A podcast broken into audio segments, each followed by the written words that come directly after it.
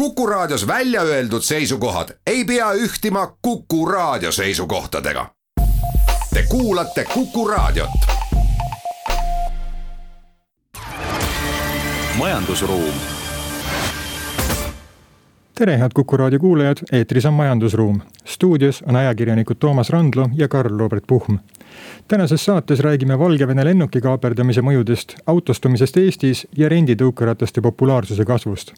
saate teises pooles liitub meiega Hotellide ja Restoranide Liidu juhatuse liige Madis Laid, kellega vestleme turismisektori praegusest seisust aga kõigepealt siis äh, teemast, mis on uudis, uudistes domineerinud siin mitu päeva. ehk siis äh, Valgevene ja täpsemalt siis see, et Valgevene kaaperdas pühapäeval Ateenast Vilniusesse teel olnud Ryanairi reisilennuki. et vahistada opositsiooniaktivist Roman Protasevitš. Lääneriigid on selle teo hukka mõistnud ja Euroopa Liidu liidrid leppisid kokku ka Valgevenele täiendavate sanktsioonide kehtestamises. samuti soovitatakse lennufirmadel vältida Valgevene õhuruumi ning plaanitakse keelata Valgevene lennufirmade tegevus liikmesriikide õhuruumis ja lennuväljadel ehk siis Valgevene on selle käiguga suhteid teiste riikidega tõsiselt kahjustanud. Eesti on näiteks Lukašenka režiimi suhtes väga kriitiline olnud, samas aga on mitmed Eesti ettevõtted, mis Valgevenes endiselt eda, edasi tegutsevad. küsimus on nüüd see, et kas siis äh, nad peaksid mõtlema oma tegevuse koomale tõmbamisest või, või hoopis olema ka valmis selleks, et äkki Valgevene režiim äh, võib neid kuidagi survestama hakata, et Karl, sina eile ka kirjutasid sellest teemast, et mis sinu arvamus on? ja tere päevast tõsi, rääkisin eile Helmes, IT-firma Helmes juhi Jaan Pillesaarega ja, ja ütleme, et esitasin talle natuke suunatud küsimuse, aga ta nagu pareeris selle ära, ütles, et, et nende ettevõte ei ole nagu mõelnud Valgevenes kuidagi otsi kokku tõmmata, pigem vastupidi, et ja ta nagu ilusti põhjendas ära ka, et miks see nii on, et. et ettevõtja peab ikka lähtuma eeskätt ettevõtte huvist ja, ja ta ilusti selgitas, et kuna neil on seal peaaegu viissada töötajat, nad ja kuna IT-sektoris on kõrged palgad rahvusvaheliselt, et siis äh, Nad on, ütleme, et Valgevene riigivõimule üsna head maksumaksjad, tänu sellele ei ole Valgevene võimudele erilist huvi neid kuidagi represseerima hakata.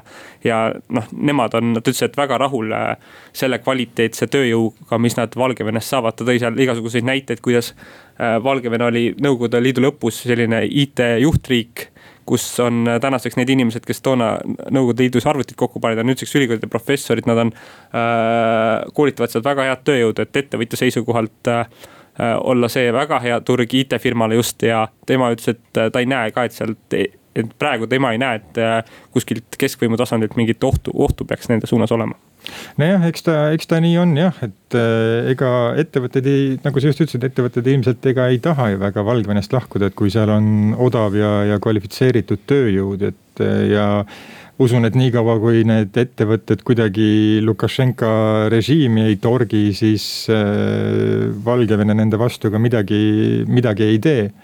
Ja, ja nad saavad seal rahulikult edasi tegutseda, aga kui siin rääkida veel majandusest laiemalt ja vaadata ka äh, statistikat, siis näiteks äh, Eesti jaoks Valgevene väga oluline kaubanduspartner ei ole, et äh, Valgevenest imporditavate kaupade väärtus oli eelmisel aastal kakssada kakskümmend üks miljonit eurot. importi on vedanud rafineeritud naftatooted, õlid ja muud kivisöetõrvast valmistatavad, valmistatud tooted. et selles mõttes iseenesest olenevalt ka sellest, kui need sanktsioonid nüüd peale tulevad ja need peaks ka Valgevene majandust tõsiselt kahjustama, siis Eestit see tõenäoliselt kuidagi väga ei mõjuta, kui võtta arvesse see, et äh, Valgevene pole meie jaoks väga oluline kaubanduspartner. just ja tõenäoliselt need sanktsioonid ei saa ka olema sellised, et äh, kogu äh, eksport riigist kinni pannakse, Eestisse enam üldse kaupa ei jõua, et pigem võib-olla, mis Eesti, Eesti inimesele korda läheb, on Valgevene õhuruum ja siinsed lennureisid, et vaatasin ka, et Eestist äh, Tallinna lennujaamast siis püsilende kõige rohkem mõjutab võib-olla Ukra Ukrainasse, kuhu on kolm siht, sihtkohta, eriti just.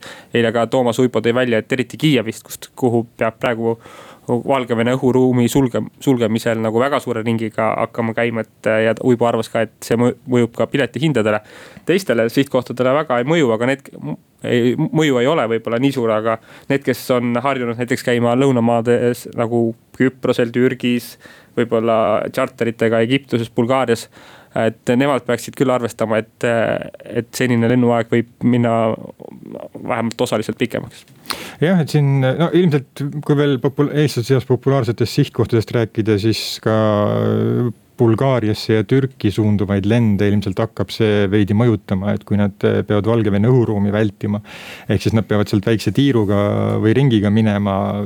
esialgu vähemalt lennufirmadelt pole nagu seda signaali tulnud, et hakatakse kohe piletihindadele juurde kütma selle tõttu, seega vähemalt esialgu on arvatavasti see mõju puhtalt see, et see lend on, on veidi pikem mm. -hmm, absoluutselt, aga kui tulla veel korra tagasi, et, et Valgevene nagu ettevõtluskliima juurde, siis iseenesest me võiksime ju mõelda, et. et kui Valgevenes on nii head IT-pead, et äkki prooviks neid Eestisse tuua, et iseenesest eile Pillesaarega rääkisin ka, ta tõdes, et need noored edumeelsed IT-inimesed Valgevenes on üsna läänemeelsed ja meile nagu sobiliku, ütleme kultuuritaustaga, et väga sobilikud, aga ta tõi ka välja, et iseenesest neil oleks Helmes juhi sõnul siis mingi soov äh, tulla, sest kuigi ta möönis, et ettevõttele pole Valgevene režiim nagu kahju otseselt nagu teinud, siis tema töötajad on küll seal kohati nagu üsna kriitilised ja väga vastumeelne on see, seal toimub. aga noh, ta tõi ka välja, et äh, miks seda nagu massilist väljarännet ei ole toimunud, ongi just need madalad äh, äh, maksud, mis Valgevenes on, et kuna IT-sektor on nii rahvusvaheline ja põhimõtteliselt palgad on igal pool ühesugused. kuna noh, sa töötad kaug, kaugtööd võid teha et siis äh, ta tõi välja, et äh, Valgevenes on tööjõumaksud ainult seitseteist protsenti. et kui needsamad inimesed Eestisse tuua, et siis nad peaksid äh, oluliselt tagasihoidlikuma elukvaliteediga leppima, arvestades, et kinnisvara hinnad Eestis on nagu oluliselt ja muu eluolu on nagu oluliselt kallim. ja no võib-olla siin on nagu koht, kui siin Eestis maksudebatist on räägitud, et, et selliste kõrgepalgaliste töötajate puhul äh, äh, ilmselgelt nagu enim mõjutab sotsiaalmaks, mis äh, mingi ütleme, et IT-sektoris tõsi, kuni viie tuhande euroste palkade juures hakkab väga suurt rolli mängima, et okei okay,. maksudebatt on tahetud algatada küll aspektist, et kus riigi tulusid juurde saada, aga kui me tahame sellist kvaliteetset tööjõudu siia värbjada, värvata, et siis võib-olla oleks see koht, kus ka kuidagi seda ümber disainida, et mingi maksulagi või midagi jah, no selles mõttes, et ma ei usu, et nendel IT-firmadel väga on huvi äh, kui sul on nagu võimalus, et sul on see töötaja Valgevenes ja ta töötab seal. ma ei tea küll, mis need, mis see täpselt see IT keskmine palk seal Valgevenes võib olla, aga, aga see on kindlasti kordades kõrgem Eestis, et sul on palju kasulikum see, et sa hoiad seda töötajat kaugel seal, kui see, et sa tood ta Eestisse, siis hakkad talle oluliselt kõrgemat palka maksma, et see ilmselt väga palju ei motiveeri ettevõtjaid äh, ne, neid siia tooma. kuigi Pillesaar andis eile justkui mõista, et neil Helmeses vähemalt põhimõtteliselt netosissetulekuga võivad, võivad Valgevenes töötavad inimesed isegi rohkem kätte saada kui Eestis töötavad kontorid, ta just nagu rõhus sellele nagu IT-turu rahvusvahelisele, et. et äh, kuna sedasama tööd pole põhimõtteliselt vahet, et mis maailma otsas sa teed, et palgatase on suhteliselt üks, et seal selline äh, odav tööjõuriik nagu see, see perspektiiv IT-sektoris on natuke, natuke teistsugune jah, igal juhul äh, saab näha, mis nüüd siin Valgevenes arengud lähipäevadel saavad olema. meie aga siinkohal teeme väikese pausi. majandusruum jätkame saatega. stuudios on ajakirjanikud Toomas Randlo ja Karl-Robert Puhm kui siin enne pausi rääkisime Valgevenest, siis nüüd liigume Eesti juurde ja, ja räägime veidi transpordist. täpsemalt siis eh, sellest, et eh, Tallinnas on renditõukerataste buum, mis kogub järjest rohkem hoogu et operaatorid langetavad hindu ja, ja paiskavad üha rohkem uusi tõukse tänavatele, et Bolt lisas siin viimastel nädalatel Tallinna teedele tõukerattaid juurde ja neid on nüüd kokku umbes tuhande kandis. ettevõttel Tuul on neid äh, üle poole tuhande ja seega see kinnitab, et äh, konkurents Tallinna tõukerattaturul on väga tihe kui siin meenutada, et Tunamullu Tallinnas tegutsenud Citybee loobus pärast ühte aastat. Äh, eelmisel aastal Tallinna tänavatele tulnud USA firma Bird kuuldavasti ka sel aastal enam ei naase, et. et äh, kindlasti see, et konkurendid ära kaovad, on hea uudis Boltile ja eks ilmselt Bolti eesmärk on ka konkurente võimalikult välja puksida, aga aga samas ise ma mõtlen, et kui siin mõelda sellele, nende tõukerataste rendihindadele ja, ja siis minul tekib paratamatult küsimus, kas see ikkagi on üld, üldse Boltile nii tasuv äri, et ma saan aru, et nad mõtlevad küll pikas perspektiivis, aga, aga inimesed peaksid ikka väga aktiivselt neid tõukse kasutama selleks, et, et see Boltile kasumlik oleks. mis sina arvad, Karl? Äh, jah, ma arvan, et et äh, kui see ongi selline pika vinnaga äri, et tõenäoliselt praegu see neile ära ei tasu, aga ütleme nii, et turgu vaja sisse sööta ennem, et kui siit ja mingid liikumisharjumused ümber kujundada, et siit tule hiljem nagu hakata kasumit lõikama, et äh, jah, et praegu on Bolt äh, öelnud, et neil on praegu Tallinna tur turul tuhat tõukeratast, aga kirjutasin ka ise sellest artikli ja mis nad äh, lõpuks ütleme pika hambaga välja ütlesid, oli see, et juunikuus toovad, avavad nad terve Tallinna, kui praegu on see piirkond piirdunud ainult sellise kesklinna ja selle lähiümbrusega.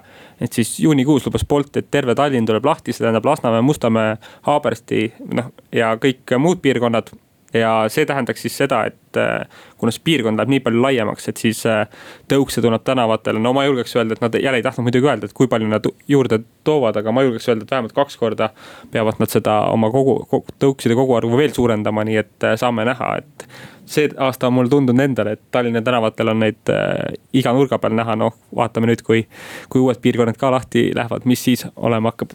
ja, aga just mulle tundub ka, et äh, vähemalt nii palju, kui ma olen ise tänavatel näinud, siis sagedamini näeb neid kuskil tänavanurgal seismas, kui inimesed nendega sõitmas, et kui ma meenutan siin, kui nad, mis kaks aastat tagasi, kui Bolt nendega tuli, siis oli ikka. kui sa tahtsid elektritõuksi kuskilt saada, siis löögil oli väga raske saada, sest inimesed nii väga äh, tahtsid nendega sõita. aga praegu on neid küll kõvasti rohkem rohkem, aga arvestades, kui palju kampaaniaid Bolt ka teeb, siis äh, mulle tundub, et nad ilmselt võib-olla see huvi veidi võib-olla hakkab raugema võrreldes sellega, mis ta oli alguses ja, ja.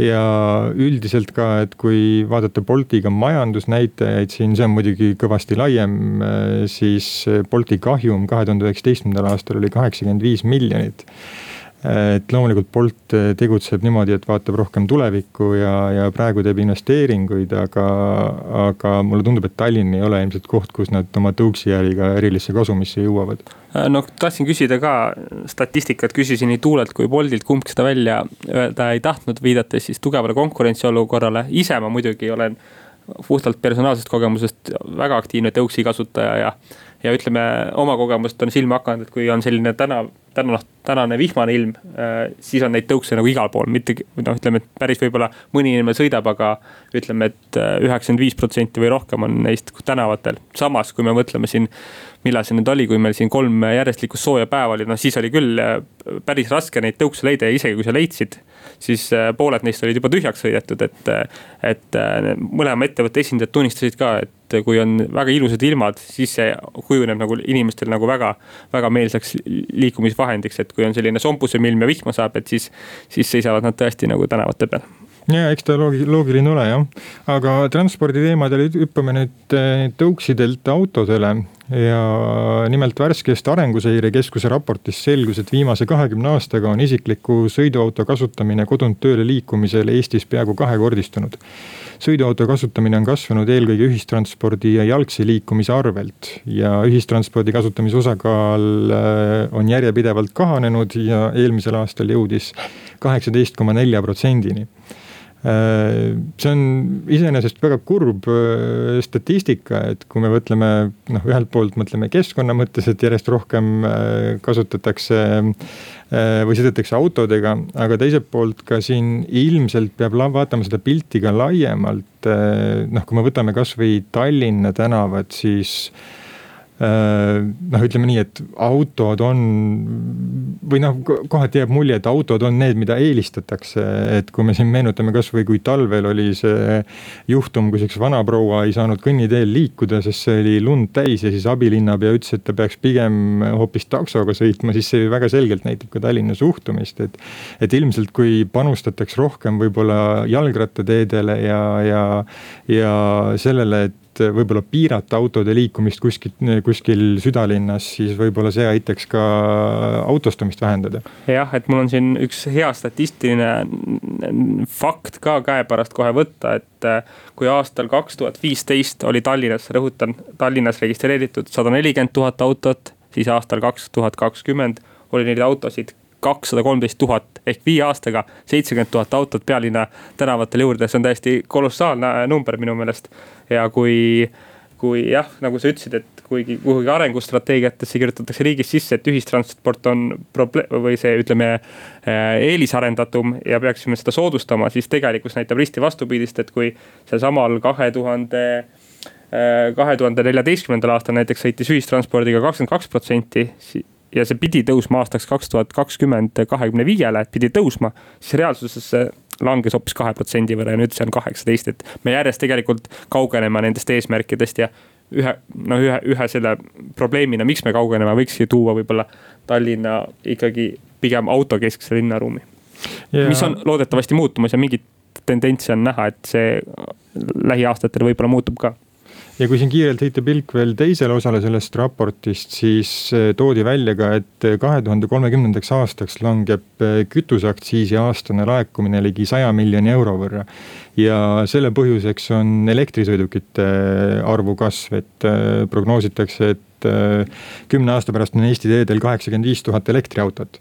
et muidugi, kui praegu mõelda, et see on siis noh, kümne aasta pärast, samas tundub, et eestlased otseselt ei jookse just elektriautodele tormi, et äh, näiteks märtsis müüdi Eestis kaks tuhat ükssada sõiduautot, nendest nelikümmend viis olid elektriautod. et see protsent on, on maru väike aga, aga, aga jah, et igal juhul see on nagu asi, mida ka riik peab mõtlema, et kui siin elektriautode osakaal kasvab, see tähendab, et kütuseaktsiis vastavalt väheneb. no ja see tundub täpselt olema selline koht, et kui kütuseaktsiis väheneb, et siis tuleb see nagu kuskilt kompenseerida ja kui auto, autodega seonduv valdkond seda vähendab, et siis see loogiline võib-olla oleks, et auto, automaks, millest on palju räägitud, aga poliitilist julgust seda kunagi ära pole teha olnud, muutub järjest nagu aktuaalsemaks ja tõstatub aina enam päevakorda. aga mis ma tahtsin selle ühistranspordi kohta veel öelda, et äh, mul on endal äh, selle arenguseire raportis toodi välja, et äh, et Harjumaalt rändab kokku on siis sada kakskümmend tuhat pendelrändajat, kes iga päev sõidavad pealinna vahelt tööle tagasi või siis nagu Harjumaa vald-, piirkondades omavahel. et olen ise ka Harjumaa pendelrändaja, käin Keilast Tallinnasse tööle Postimehesse ja mina käin rongiga. ja ütleme nii, et et rongisõit ise võts-, äh, Keilast Tondile võtab kolmkümmend kuus minutit ja kui ma sealt selle trammiaja otsa panen, et siis läheb juba üle tunni aja, ütleme, et trammi peab natuke ootama, trammipeatus päris kontoris ei ole. et see läheb, ütleme tund viisteist, äh, autoga vaatasin Google Maps näitab nelikümmend minutit, et see vahe tuleb sisse. ja see on nagu päris märkimisväärne, eriti kui sa päevas käid kaks korda, et selles suhtes nagu seda ühistransporti autoga konkureerima ongi väga raske panna, aga mis ma tahan öelda, on see, et kui me eelmises osas rääkisime tõukeratastest, siis ma olen nagu avastanud väga mugava variandi. ma sõidan äh, äh tõukerattaga Tondi jaamast tööle. kui tramm sõidab pool tundi tõukerattaga, ma sõidan leidsin endale ühe hea marsruudi, kaksteist minutit. ja kui ma kombineerin oma rongiteekonna tõukerattaga, siis autoga erinevus tuleb ainult viisteist minutit ja see on juba konkurentsivõimeline. no igal juhul autostumine on probleem, millele, mida otsustajad peavad adresseerima. meie aga teeme siinkohal väikese pausi ja oleme pärast seda tagasi. Majandusruum ja jätkame majandusruumiga. stuudios on ajakirjanikud Toomas Randlo ja Karl-Robert Puhm.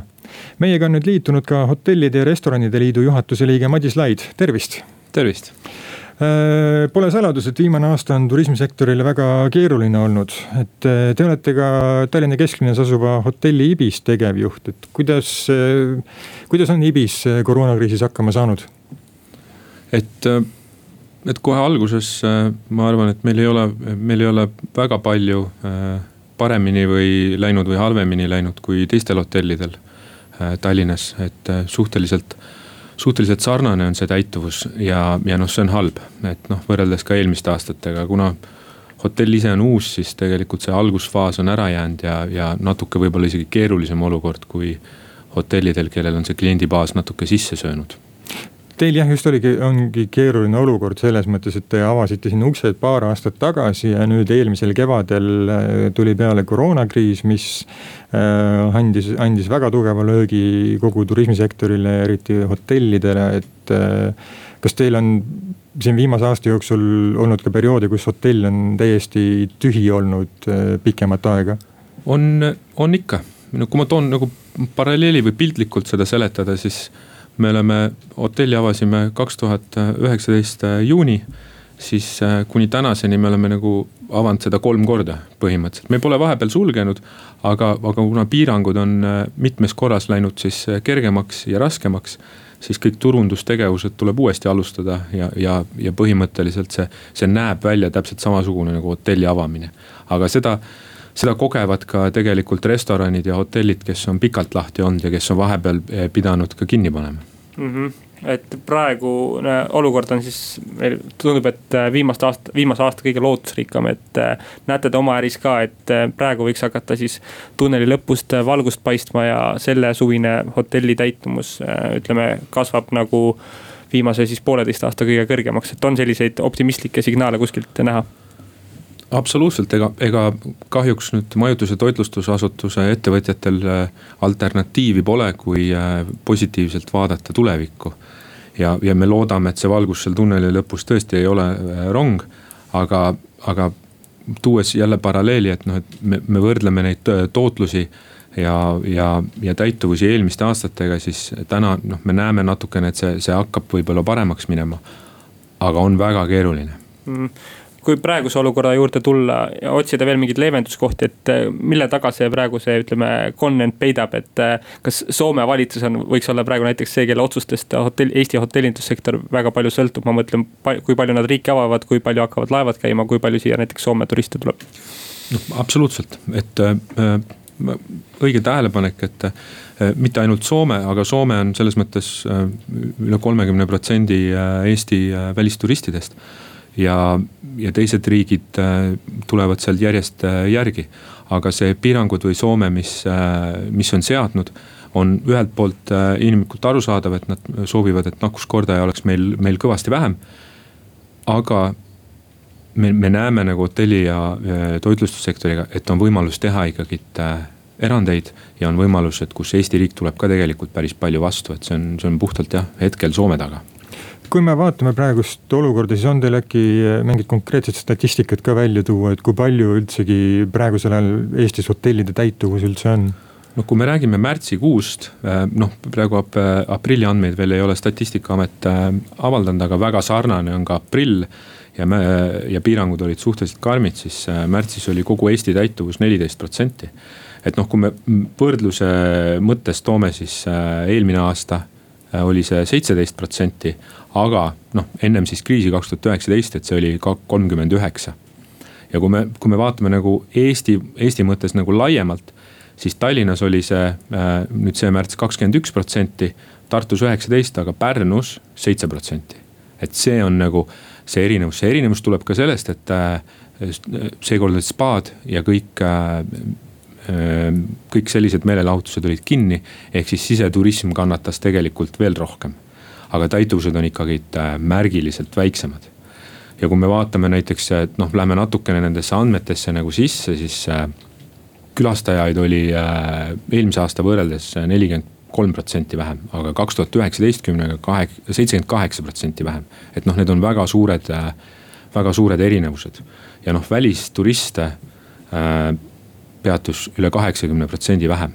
aga seal välisturistide sees on tegelikult praegu, mis natukene moonutab on äh, Saksamaa sõjaväelaste mitmekuuline rotatsioon, mis siis võtab tegelikult äh, enamuse selle statistikast enda alla, et tegelikult me räägime siin praktiliselt olematust äh, välisturistide arvust. kui siin rääkida nüüd sellest, et siin kriisi ajal hotellid pidid ka paljudest töötajatest loobuma, et kuidas praegu muidu hotellidel seisud on, et kas kas üldsegi vaadatakse praegu palkamise poole või on alles see nii-öelda põhigrupp töötajaid, kellega suudetakse läbi ajada või, või milline, milline seis seal on? et kahjuks, kahjuks on ettevõtjate, ettevõtjate töö tuleviku ettevaatamine ja valmistumine nagu mitmeid kuid ja nädalaid ette. Et kahjuks me ei saa võtta töötajat homseks et siis me oleme sunnitud äh, võtma need riskid ja töötajad palkama varem ja lootma, et see klient ja täituvus tuleb, et noh, see on samamoodi hotellid, restoranid. siis täna on see probleem, et, et paljud, paljud head inimesed on äh, sektorit vahetanud. sest et, äh, mis on ka arusaadav, et ebakindlus sektoris tegelikult mõjutab väga inimeste inimeste tuleviku väljavaateid ja nendel on vaja kindlat sissetulekut. Siis täna näiteks ka kvaliteetse tööjõu leidmine on raskendatud. loomulikult on töötuid palju, et äh, töötuse protsent on ka suur. Äh, kuid siiski neid inimesi näiteks, kes olid ennem sektoris, paljud nemad on nagu vahetanud täiesti kas eriala või siis teenindus, teenindusvaldkonnas, kuid erinevates sektorites. ehk siis, kui turism peaks hakkama millalgi tulevikus kiiresti taastuma, siis on hotellidel või laiemalt teenindusettevõtetel keeruline olukord, sest noh, juba enne kriisi oli teenindussektorisse keeruline häid töötajaid leida, sest noh, palgad eh, paraku on seal väiksemad. aga kuidas praegu selle koha pealt tulevik paistab? jah, ja, ja noh, me oleme näinud, me oleme ka näinud nagu ka hotellid ja toitlustusasutused ja turismisektor üldse on saatnud selle signaali ka töötukassale ja, ja, ja selles mõttes ka valitsusele, et, et sellega tuleb tegeleda. mingites, mingites sfäärides sellega juba tegeletakse ka, et saaks ümber koolitada või, või aidata siis äh, neid inimesi. kuid ma arvan, et see probleem on suurem ja sellega tuleb ka selle rohkem tegeleda, sest et see tööjõu selles mõttes puudus tekib ikkagi ja, ja on praegu juba järgnevatel kuudel kindlasti üks aktuaalsemaid teemasid kui palju te Ibises äh, pidite, kui paljudest töötajatest loobuma? me pidime kolmekümnest protsendist töötajatest äh, loobuma ja pidime ka palkasid äh, vähendama. ja töötajatega kokkuleppel, et ettevõte jääks lahti. ja seda ja me ei ole selles mõttes mingit pidi erakordsed ettevõtjad, et turismisektoris ma arvan, et ei ole ettevõtet, kes ei pidanud seda kõike läbi elama kuidas praegu muidu väljavaated äh, suve osas on, et äh, kui siin meenutame eelmist suve, siis pigem äh, siseturism oli küll kõrge, aga pigem oli ta vist nii, et Tallinna inimesed läksid kuskile väiksematesse linnadesse, peatusid seal hotellides. aga samal ajal Tallinna hotellid, kes muidu ootavad välismaalasi siia, välismaalasi ei tulnud ja neil oli võrdlemisi keeruline seis, et kas seekordne suvi tuleb samasugune jah, selles mõttes, et me siseturist, et ma toon siin, ma toon siin äh, erinevuse välja, et siseturism see aasta on vähenenud, noh märtsikuus vähenes äh, peaaegu kuuskümmend üks protsenti võrreldes eelmise aasta äh, märtsiga, et jälle siin piirangute, piirangute maht. tuleviku väljad kui välisturist, selles mõttes, mida me näeme, et siin ei näe ennem juulit või, või võib-olla isegi augustit, on ju. me loodame, et see juhtub varem siis siseturism kindlasti ei hoia äh, toitlustust ja hotellindust äh, vee peal, sest et äh, välisturist toob siia märgatavalt rohkem raha külalise kohta kui siseturism ja siseturism ikkagi nende mahtude suuruses on ikkagi väga väike. et kui me võtame näiteks võrdluseks, ongi, et kui palju välisturistid ja siseturistid osakaal on, siis isegi kui reisimine kasvab tunduvalt, siis see ikkagi ei hoia nagu enamus toitlustust ja hotellindust kindlasti vee peal majandusruum. ja jätkame saatega. stuudios on ajakirjanikud Toomas Randlo ja Karl-Robert Puhm ning meil on külas Hotellide ja Restoranide Liidu juhatuse liige Madis Laid. Äh, enne pausi rääkisime siin äh, suve väljavaadetest äh, turismi nurga alt, et Madis Lait, kui teie nüüd vaatate ka siin äh, enda Ibis hotelli broneeringute arvu ja, ja ilmselt, mis olete kuulnud ka teistest hotellidest, et äh, kuidas praegu suvi paistab, et kui palju broneeringuid on välismaalaste poolt tehtud Eesti hotellidesse? suurusjärk on kuskil kaheksakümmend, üheksakümmend protsenti vähem kui kaks tuhat üheksateist ja, ja täituvuste mõttes siis, äh, mis, mis see suurim põhjus on või miks nii vähe on broneeringuid või miks broneeringud tulevad ka suhteliselt lühikese etteteatamisega, on ebakindlus ja on äh, reisipiirangud. et siiani pole äh, Euroopa Liit otsustanud leevendamist, et tänane uudis, et loodetakse juuni keskel siis üle Euroopa Liidulised reisipiirangud nagu teha nagu kergemaks kuid see ei ole ka kindel ja, ja vot selline ebakindlus ka põhjustab selle, miks broneeringuid sisse ei tule või miks inimesed siis ei planeeri neid reise kas äh, nende broneeringute pealt, vähemalt mis on praegu tulnud, kas sealt paistab äh, mingit selget mustrit ka, et äh, milliste riikide kodanikud kõige rohkem broneeringuid praegu teevad või millised võib kõige rohkem Eestis suvel näha? Ma arvan, et me, meie külaliste või siis äh, rahvuste äh, erinevus ei, ei muutu drastiliselt, mis ta on olnud. et me kindlasti näeme äh, Soome, Soomet loodetavasti, et piirangute leevendamisest sõltub. võib-olla üks suuremaid erinevusi on Venemaa, mida on vähem ja Venemaa on selles mõttes erinevaid signaale saatnud, et millal nemad kavatsevad nagu seda reisimist Euroopa Liiduga siis leevendada, kuid arvatavasti see jääb ikkagi aasta lõpupoole ja, ja see on üks, üks selliseid suuremaid erinevusi, mis, mis oli võib-olla näha ka äh, rohkem Lätit-Leedut, mis on äh, selles mõttes hea uudis, et, et proovitakse reisida äh,. et kui me hakkame rääkima nüüd siis trendidest, proovitakse reisida siis äh, lähedale asuvatesse riikidesse ja kasutatakse võib-olla rohkem teisi transpordiliike, mis ei ole le lennuk ja mis ei ole kuskil koos istumine mm. -hmm. eile tuli iseenesest uudis valitsuse poolt, et spaadelt võetakse piirangud maha, et juunikuus saavad inimesed taas spaasse minna, aga küsiksin, et kuna te olete ka hotellide ja restoranide juhatuse liige, et spaade poole pealt, et. et kuna teatavasti spaad vist on pigem ikkagi selline talve ta,, talvekülastusega objekt, et kas on oodata, et suvel, kui nüüd piirangud maha lähevad, spaad uuesti täituvad või on pigem see, et inimesed e-, eeldavad kuskil rannas puhkust ja spaasse nii ei jõua, et kuidas te näete, et kas, kui piirangud maha lähevad, kas spaad on uuesti kohe rahvast täis? Ma, ma kindlasti ma loodan, et see nii on, kuid kahjuks äh, väga suur tõenäosus, et see nii ei hakka olema, sest et täpselt nagu äh, on, et suveperiood tuleb peale. spaadel on äh, selles mõttes üks kõige keerulisemaid äh, hotellivorme või, või siis ettevõtte vorme, mis siin kriisi ajal on pihta saanud. sest et nad on kõige pikemini kinni olnud. aga noh, kui me vaatame jah trende siis äh, pigem, pigem nende taastumine on üks pikemaid saab olema ja üks äh, mitte, mitte see suvi äh, kui nüüd piirangute teemal jätkata, et siin mais juba hakati toitlustusasutustel piiranguid leevendama ja, ja juunis ka nendega jätkatakse, et. kas selle pealt võib öelda, et toitlustusasutuste jaoks hakkab kriis vaikselt läbi saama? ei, kindlasti, kindlasti mitte selles mõttes, et jällegi me jõuame sinna, sinna kohta, et kus äh, välisturistid äh, külastasid neid hotelle ja neid restorane. ja siseturism ka kindlasti, et kui me räägime siin erinevatest maakondadest ja, ja noh, äh, erinevatest linnadest. aga noh, mis tuleb selles mõttes tähele panna, on see, et keegi on poolteist aastat maksnud kinni kõik selle kahjumi, mis on kõik need ettevõtted saanud.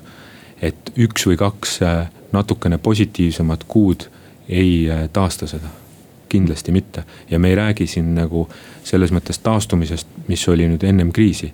et erinevad ana-, analüütikud ja erinevad äh, institutsioonid on äh, ennustanud, et taastumine võtab aega kuni kaks tuhat kakskümmend neli, kus me näeme siis enam-vähem samat täituvust ja samat hinda, mis oli, mis oli kaks tuhat üheksateist. et kindlasti ta hakkab aasta järk-järgult nagu paremaks minema. aga kui, kui küsida nüüd, et millal ta siis on taastunud või millal me näeme, et äh, me saame ütelda, et me oleme väljunud siis äh, noh, positiivsem väljavaade on kaks tuhat kakskümmend neli alles, et siin on pikk maa minna mm. -hmm. piirangutest oleme siin paar sõna juba rääkinud, piirangutele peaksid järgnema mingid toetused ka, vähemalt nii on riigi poolt välja lubatud. eelmisel kevadel päris lausaline äh, töö tööhüvitismeede välja töötati, tean, et paljud ettevõtted olid sellega rahul. rohkem on kriitikat olnud selles suunas, et võib-olla sellist sektoripõhist sihtimist on vähe olnud ja. ja mõni ettevõte võib-olla on saanud rahaga üle küllatud, samas seal, kus kriis kõige võib-olla akuutsem, sinna pole nagu raha eriti jõudnud, et kuidas teie ühe kõige rohkem pihta saanud sektori esindajana võib-olla sellist sihitatust ja riigi üldist sellist kompensatsioonipoliitikat hindate? Kui me võtame nagu selles mõttes äh, kogu selle toetuste summa mahu, et noh, võtame kriisitoetused ja töötukassa hüvitised kokku. siis see oli kuskil suurusjärgus seal kolmsada üksteist miljonit äh, eurot koos tööt-, noh töötukassa, mis oli üks suurimaid. ja kui me võtame sealt lahku näiteks, et kui palju nüüd siis turismiettevõtjad sealt said äh,. nii töötukassaga või mõlemad, siis see oli seitsekümmend viis koma kaheksa miljonit, see on kakskümmend neli protsenti. et see on vee-, noh, selles mõttes, et veerand, et et see ei sihitud nagu sinna, kus teda kõige rohkem tegelikult oleks olnud vaja. et kui me võtame tasutud maksud näiteks kaks tuhat üheksateist majutus-toitlustussektor maksis sada kaheksakümmend miljonit makse. kaks tuhat kakskümmend maksis sada kakskümmend kuus miljonit. noh, sada kakskümmend kuus koma kaheksa, et kui väga täpne olla. me, mis tähendab, et ettevõtjad maksid omast taskust, kõik tööjõumaksud, kõik, kõik need maksid kinni, et noh, loomulikult osa tuli seal hüvitis aga mis ma nagu tahan öelda selle jutuga, et kindlasti sektor ei ole nagu äh, võtnud selle toetuse ja saanud seda kuidagi asendada äh, kogu oma väljamineku või kahjumid olid kuidagi nagu selles mõttes kõik kaetud, et siin on väga suur osa, mis ettevõtjad tasusid nagu kogu selle kriisi vältel omast taskust aga kui me võtame nagu toetuste summa, hakkame võrdlema, mis Euroopa Liit, teised liikmesriigid on teinud, siis need suurusjärgud on ikkagi väga erinevad. ja on sihitud väga-väga täpsemalt, et ja, ja täna on nagu, mis ma nagu toon välja, et retoorika on valitsusel kindlasti muutunud. kuid äh, toetuste summad või toetuste kiirus väljamaksmisel on äh, kas äh, eelmise valitsusega sama või isegi vähem. et kui me võrdleme näiteks ka teiste Euroopa Liidu liikmesriikide poolt välja toodat-, toode, töötatud toetusi, siis noh, näiteks Bulgaaria, jah, nende SK, SKP on kaks korda suurem kui meie oma, kuid nende palgatoetus oli ka seitsesada kuuskümmend seitse miljonit eurot, mis läks siis hotellindusse ja, ja turismindusse. ja seal veel lisaks olid äh, ainult toitlustussektoritele kaheksakümne miljoni, saja miljoni suurused toetused. ja Küpros äh, samamoodi, Küpros on väga sarnane SKT suuruselt meie omaga. ja nad äh, ka kaks korda suuremad toetusmeetmed, mis oli sektoritele sihitud. ja Postimehes on kirjutanud ka, oli vist eelmine nädal, et kus see maaelu edendamise sihtasutuse, kus käendused, asjad läksid tegelikult noh, kellel seda vaja ei olnud. ja see on täna ka üks suurimaid probleeme, et kus teistel riikidel on sildlaenud, käibelaenud on intressimääradega alla protsendi või siis on protsent millegiga. Eestis on neli kuni kuus, mis on noh, väga suur ja väga raske nagu selles mõttes sellist laenu õigustada enda jaoks Äh, kas Eesti peaks äh, hakkama mingit aktiivset kampaaniat tegema, et välisturiste siia meelitada, et see oleks veidi ka toetus turismisektorile? absoluutselt ja, ja ma tean, et EAS äh, ja, ja Eesti Hotelliliit on seal aktiivselt sees. et teevad seda, valmistavad ette selles mõttes sellist restart kampaaniat, et, et kuidas saada, kuidas saada seda turismi elavdada ja kuidas saada seda siia aga kõik on nagu omavahel seotud, et selles mõttes toetused ja, ja, ja see elavdamise ja see turunduse kampaaniad. et kui me toome paralleeli näiteks ettevõtlusega või kui võtta näiteks vägivaldne tõlgendus, et riik on ettevõte. siis kui näiteks äh, kaheksa kuni kaheksa protsenti su ettevõttest kaob äkki ära või, või, või, või selles mõttes tulud vähenevad. siis sinna on vaja panna palju fookust ja, ja ma arvan, et seda fookust on vaja rohkem teha ja, ja rohkem panna. aitäh teile äh, meil oli külas Hotellide ja Restoranide Liidu juhatuse liige Madis Laid. stuudios olid ajakirjanikud Toomas Randlo ja Karl-Robert Puhm. majandusruum läheb nüüd suvepuhkusele, nii et kuulmiseni jälle sügisel. majandusruum